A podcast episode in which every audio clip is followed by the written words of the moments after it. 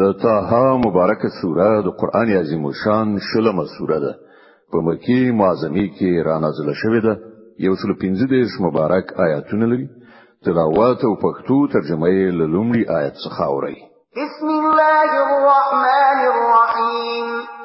د الله په نوم چې ډیر زیات مهربان پوره رحم لرونکی دی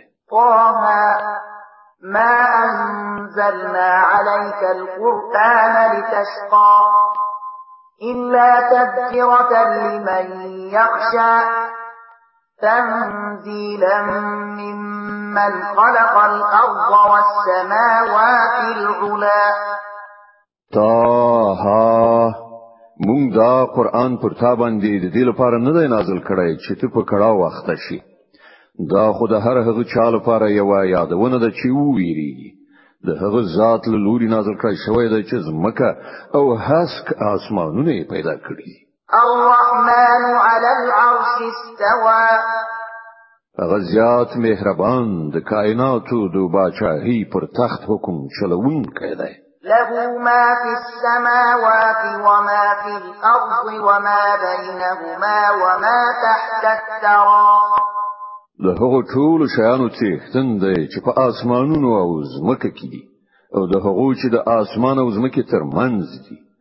او د هغو چې تر خاور لاندې دي صدق الله العظیم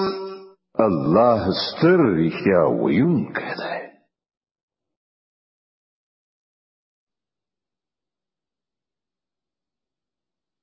د تها مبارکه سوره چې د قران عظیم شان شلمه سوره ده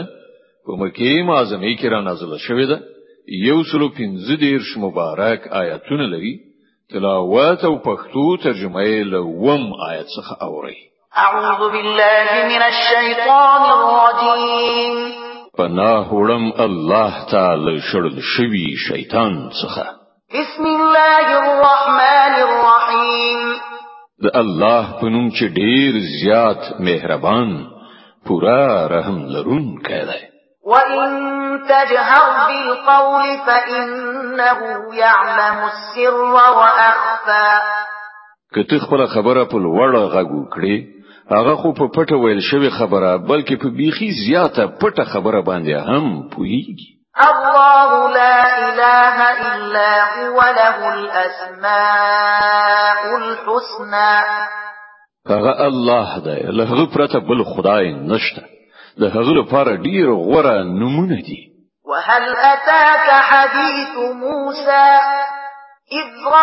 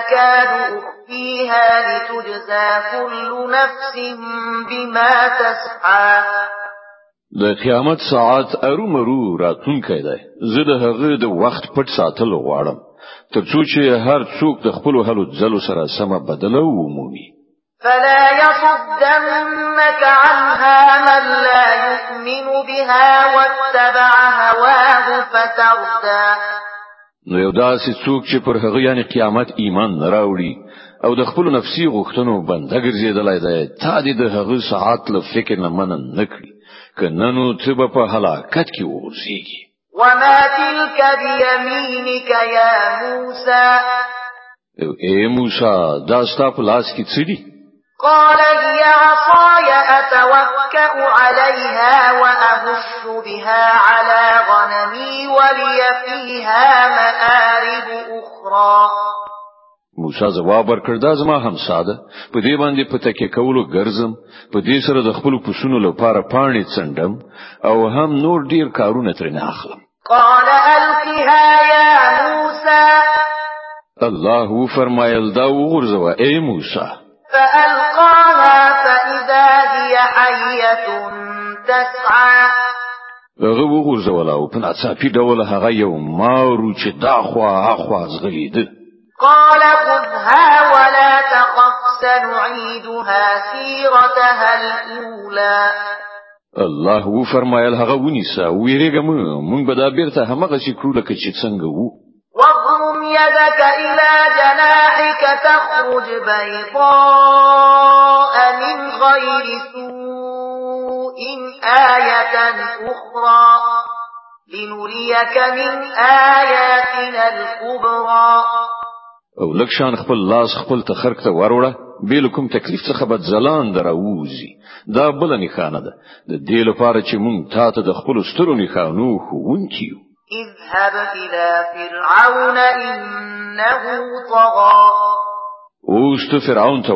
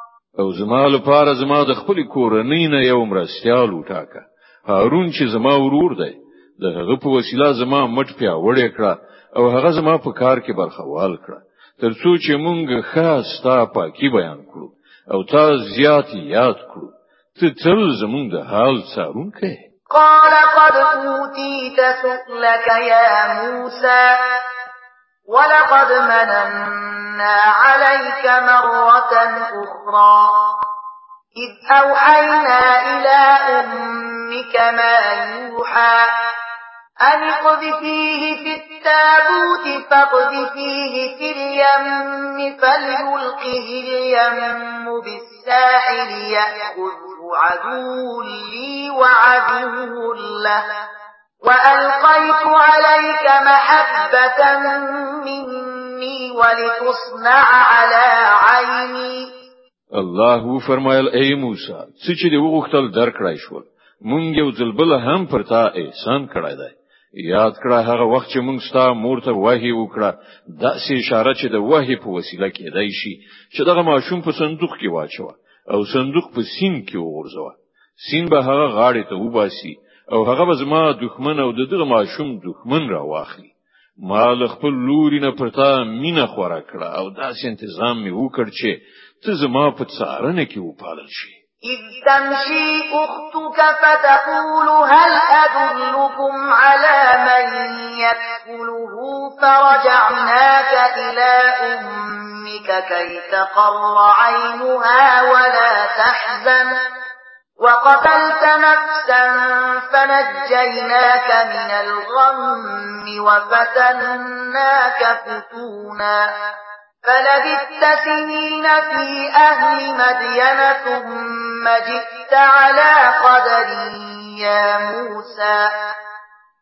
یاد کړه هغه وخت چې ستا خور د فرعون قصر ته نږدې روانه وه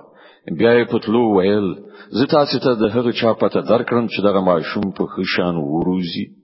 په دې ډول مونږ ته بیرته د خپل مور غیږې ته ورسولې ترڅو چې د هغې سترګې روښانه شي او اندېښمنه و نه وسی او دا هم در یاد کړه چې تا یو څوک وژلی وو مونږ ته له دغه کړهو نه وویستلې او ته مو له راز راز ازموینو څخه تیر کړې او ته د مدین په خلکو کې ډیر کلونه ووسیدلې نو اوس هغه څه چې مقرره شوې ده په خپل وخت کې ستا راتګ دی واصطنعتك لنفسي اذهب أنت وأخوك بآياتي ولا تنيا في ذكري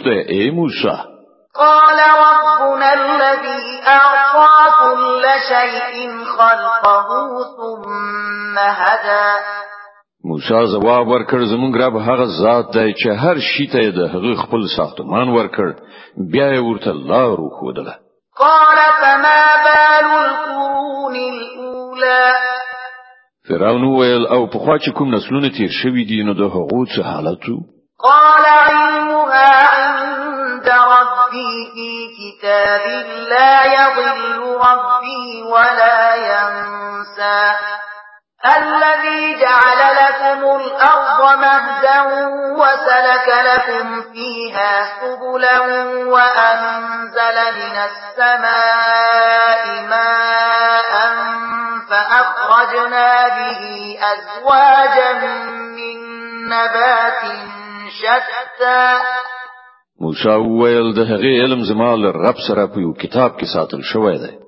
زما رب نه غلطي کوي نه هیر جن دی هغه ذات چې ستاسو لپاره د زمکه فرش وغوړوله او په هغه کې ستاسو د تګ لارې جوړ کړې او لپاسې اوبو ورولې بیا د هغو په وسیله راز راز حاصلات راوټکول د طه مبارکه سوره چې د قران عظیم شان شلمه سوره ده په مکی معظمه کې را نازله شوې ده یو سلو پنځه دیرش مبارک آیاتونه لري تلاوت او پښتو ترجمه یې له څلور پنځوسم آیت څخه اوري قولوا وارعوا أنعامكم إن في ذلك لآيات لأولي النهى وخوري او خپل ساروی هم وڅروي بشک په دې کې د هوښیارانو لپاره ډېرې نښانې دي منها خلقناكم وفيها نعيدكم ومنها نخرجكم تارة أخرى له همدې ځمکې نه مونږ تاسو پیدا کړی یاست همدې ته به مو بیرته ورولو او له همدې نه به مو دوهم ځل راوباسو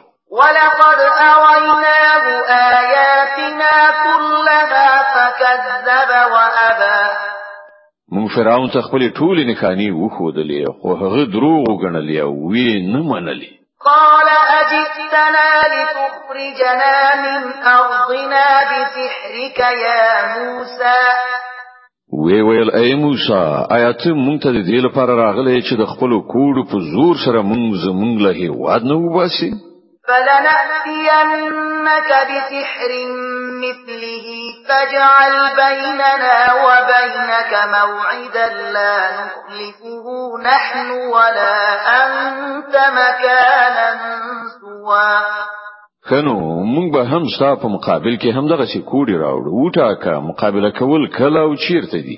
نه به موږ له دغه فیصلې نه اوړو نه به ته اوړي په هوار میدان کې راوړان دي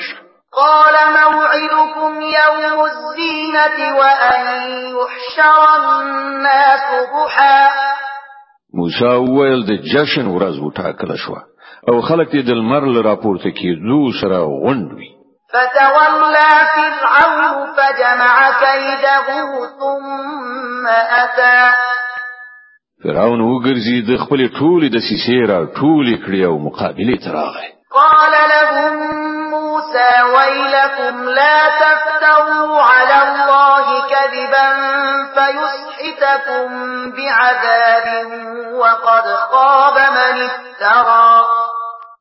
موسی په عین وخت کې مقابل لوري ته په خطاب وویل اے اجل نیولو پر الله باندې د دروغ تورونه متړی کنه نو یو سخت عذاب به تاسو تباه کړی دروغ چې هر چا وتړل هغه نامراد شو فتنازعوا امرهم بينهم واسروا النجوى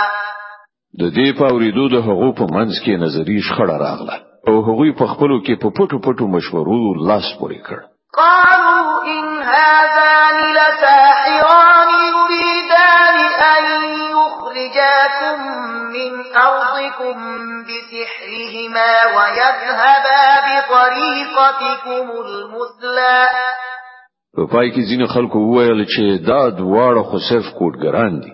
د دوی هدف دا دی چې د خپل کوډو په زور سره ستاسو لاس ستاسو له هیواد نه وباسي او ستاسو د ژوند مثالی کړنلارې ته خاتمه ورکړي فأجمعوا كيدكم ثم أتوا صفا وقد أفلح اليوم من استعلى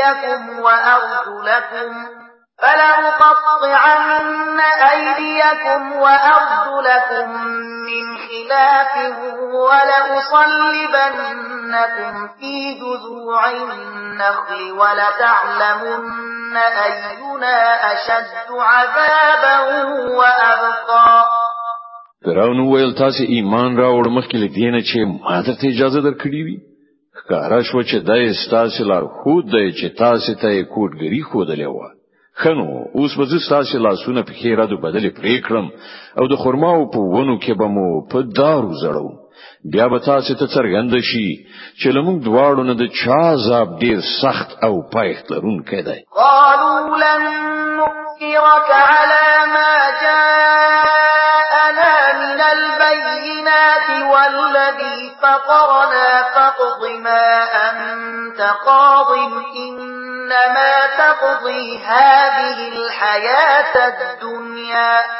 کوټګرو جواب ورکړ قسم په هغه ذات چې مونږه پیدا کړی یو دا هیڅ کله نشي کېدای چې مونږ د روخانه نه خانول راتګ نه ورسته هم پرښتین ولې باندې تاسو ترجیح درکړو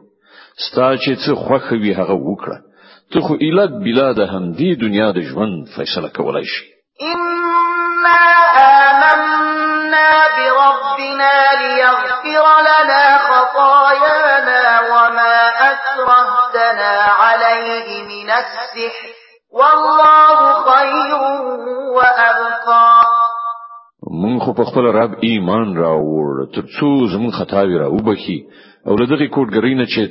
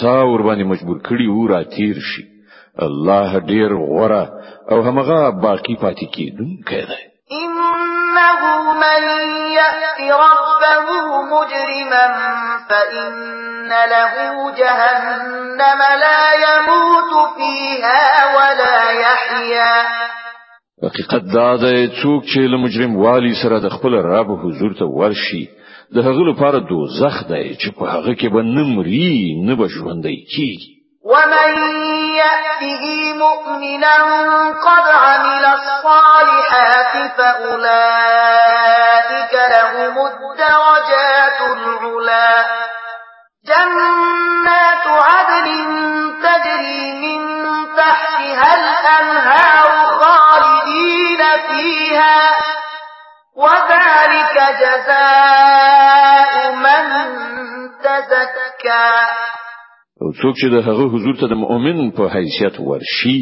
چې ښه عملونه یې کړی وي د دغه راز ټول خلکو لپاره لوړې درجې دي سمسور به خزانه باغونه دي چې تر هغه لاندې به ویالي بهيږي په هغه کې به د تل لپاره هغوی اوسي دا د هغه چا مکافات دي چې سپیڅلتیا ورکړي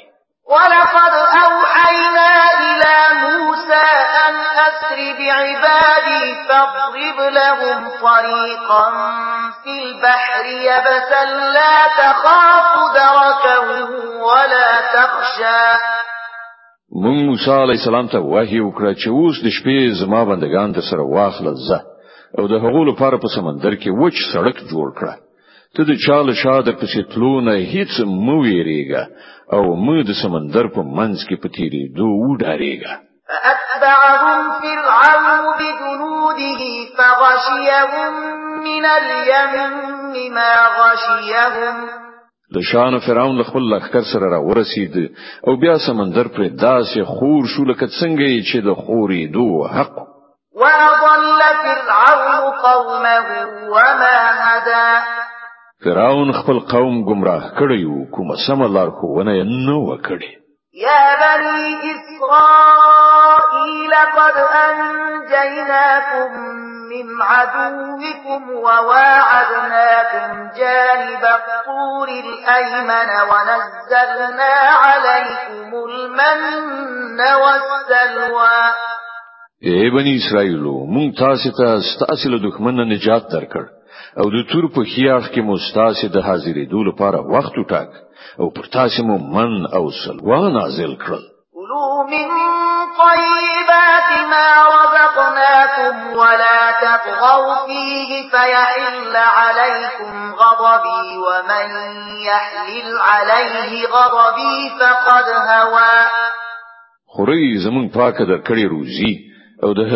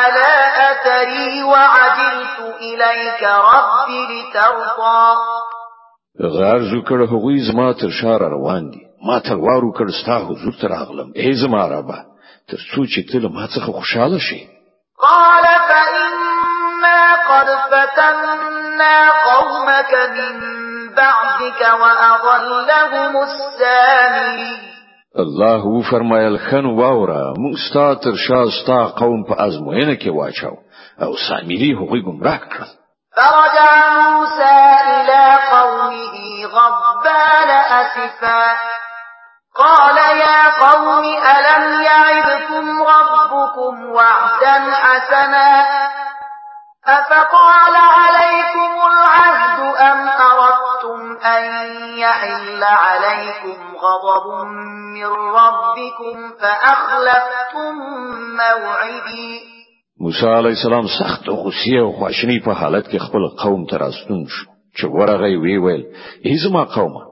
ستاسو رب له تاسو سره غوړه وعده نه وی کړی آیا پر تاسو ورځي زیات یا وختي دي یا تاسو په ځان باندې د خپل رب د غضب راتلل غوښتل چې تاسو له ما سره واده خلافي وکړه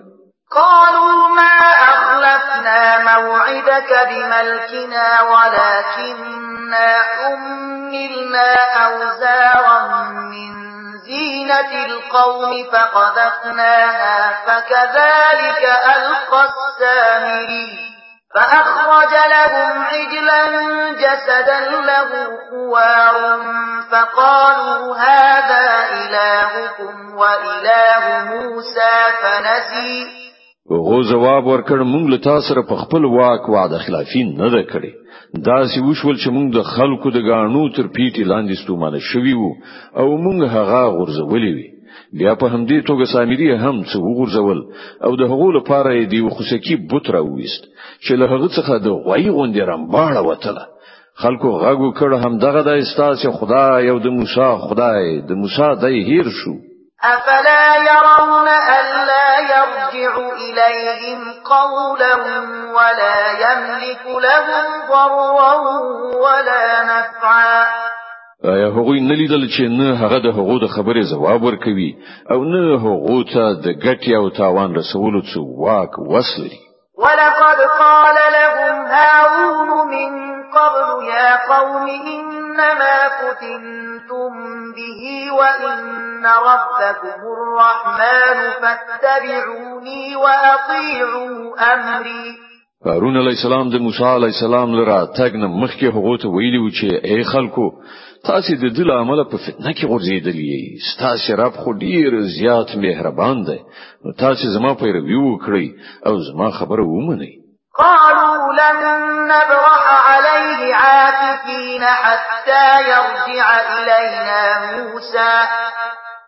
او هغه ورته وویل چې مونږ خو به د همدغه بندگی کوو تر څو پورې چې موسی علی السلام بیرته نوی راستون شوی قال يا هارون ما منعك إذ رأيتهم ضلوا ألا تتبعني أفعصيت أمري موسی علی السلام قوم ته له تور بریخ کولو نه وروسته د هارون لوري تر وګرځید او وی ویل هارون تا چې کله لیدلی و چې دوی گمراه کیږي نو څه شي ستا لاس نیولې و چې زما په کړندار عمل ونکړي آیا تا زما د حکم پر خلاف کار وکړ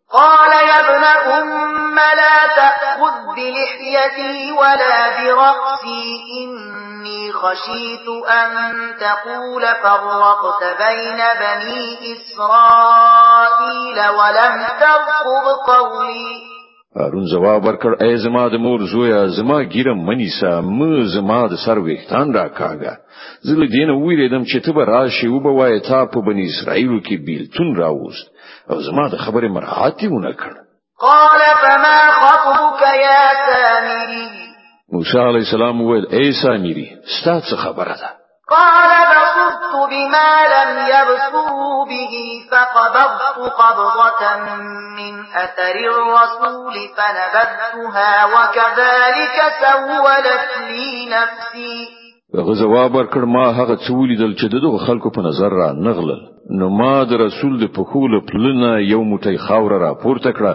او هغه مې د دغه ویلې شوی طلا په منځ کې وغورځوله زما نفس ما ته هم دغه سیڅره وخودل قال فاذهب فإن لك في الحياة أن تقول لا مساس وإن لك موعدا لن تخ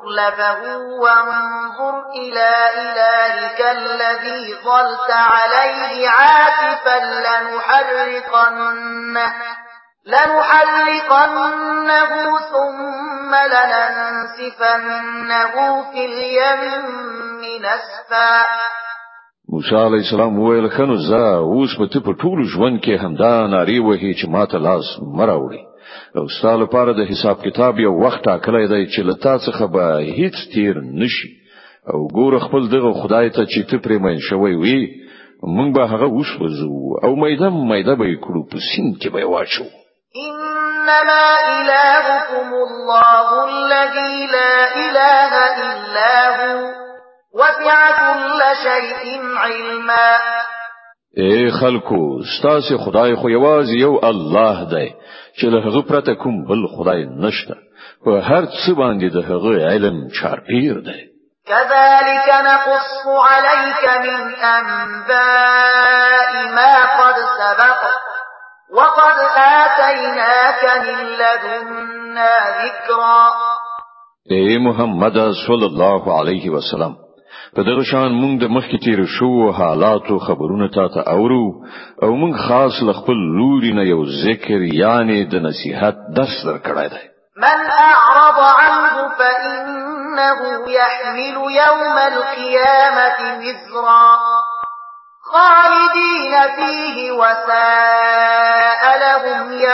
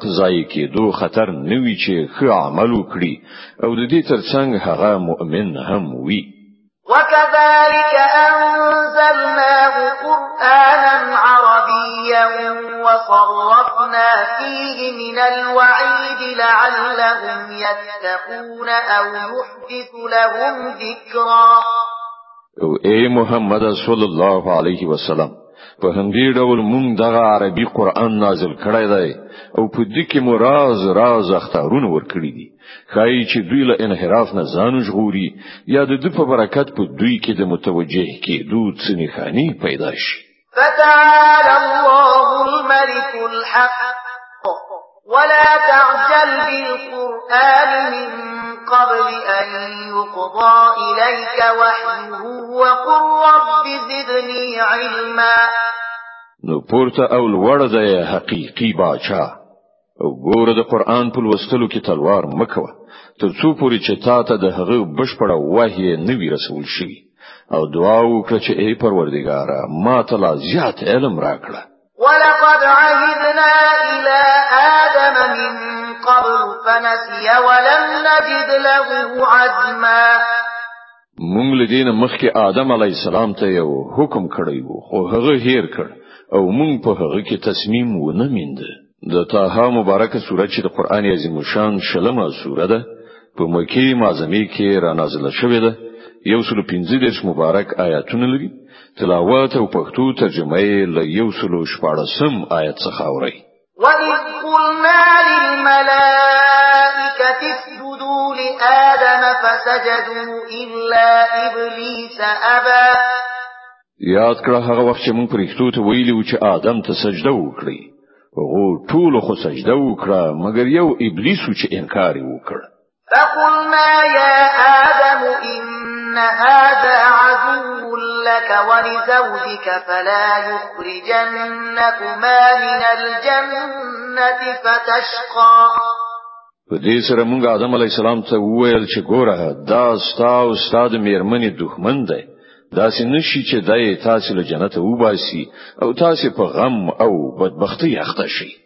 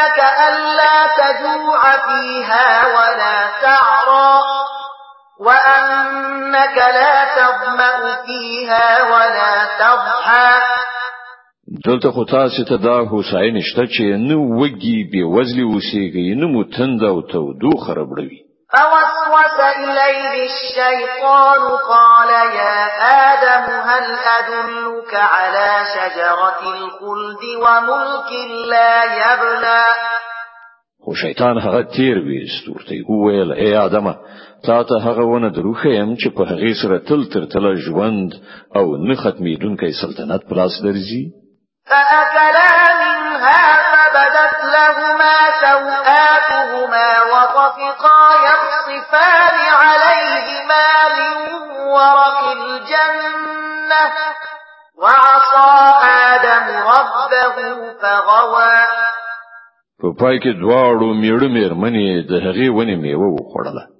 نتیجه دا شو چې سم د لاسه د هغو ستر یو د بل په وړاندې لوت شو او دواړه د جنت په پاڼو سره د خپل ځانونو په پټولو باندې لګیا شول آدم علی السلام د خپل رب نافرمانی وکړه او لسم لارې نه واوښت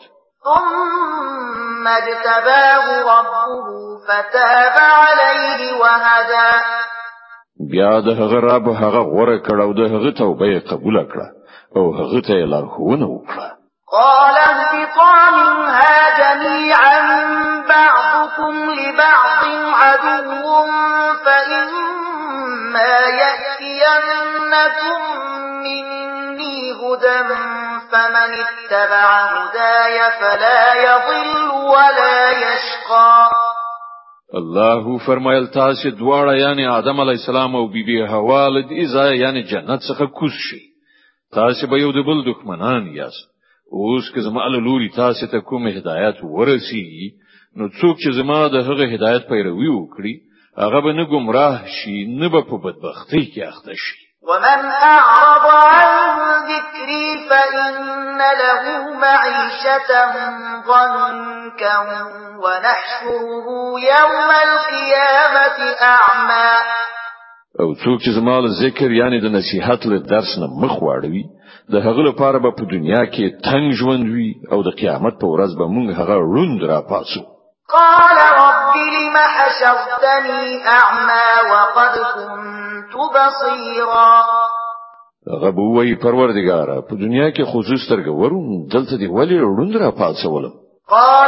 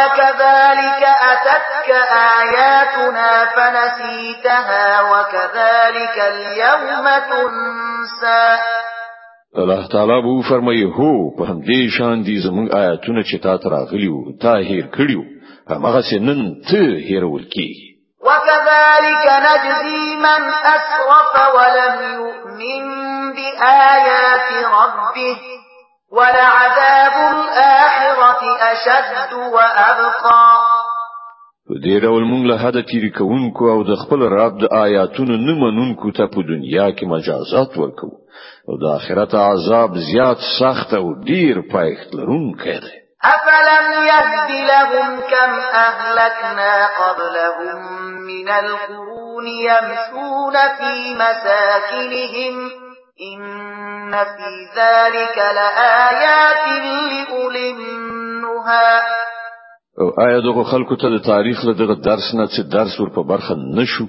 چې له دینه مخکې مونږ څومره قومونه هلاک کړي دي چې د هغو په وران شو کلیو کې نن دوی زیرازي په حقیقت کې په دې کې د هغو خلکو لپاره ډېرې نښانې دي چې د سالمې پوهې خاوندان دي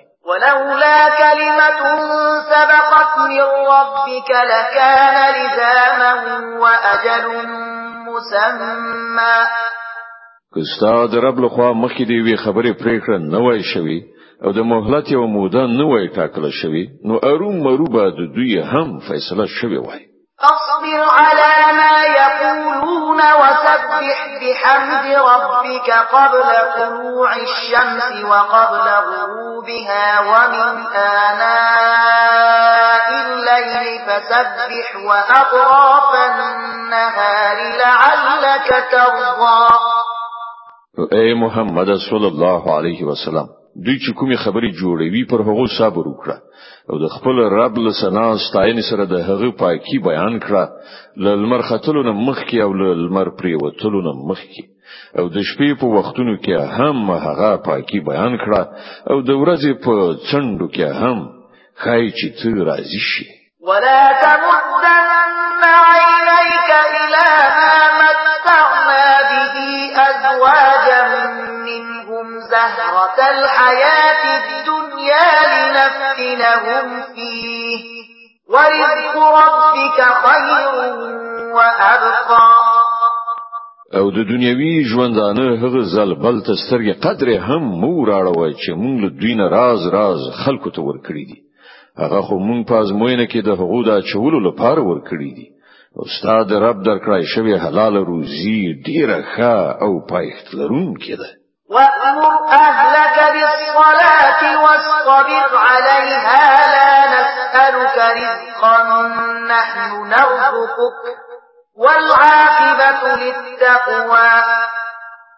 خپل کورنۍ ته د لمانځه توصیه وکړه او په خپل هم د هغه پابند اوسه مونږ له تانه کوم روزي نه غواړو روزي خو مونږ تا ته درکو او د عاقبت ښېګڼه د پرهیزګارۍ لپاره ده وقالوا لولا يأتينا بآية من ربه أولم تأتهم بينة ما في الصحف الأولى وی وایي چې دغه سړی د خپل رب له لوري نه کومه نښانه یعنی معجزه ولې نه راوړي آیا دوی ته د مخکنیو صحیفو ټولې ښوونې په څرګند ډول بیان شوې نه دي راغلي ولو أنا أهلكناهم بعذاب من قبله لقالوا ربنا لولا أرسلت إلينا رسولا رسولا فنتبع آياتك من قبل أن نذل ونخزى که مونږ د هغل راتګ نه مخکې دوی په کوم عذاب سره هلاک کړي وای نو بیا به هم دوی ویل چې ای زمون پروردګار تا مونږ ته کوم پیغمبر ولې راونه لیږي چې مونږ لزلیل کېدو او رسوا کېدو نه مخکې ستاد آیتونو پیروي غوړه کړې وای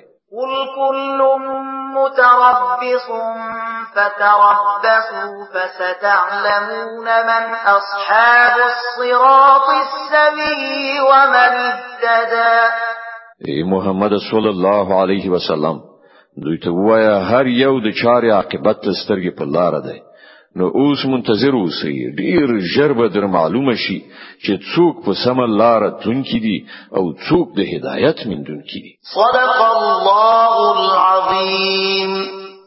الله ستر رښتیا ویونکی دی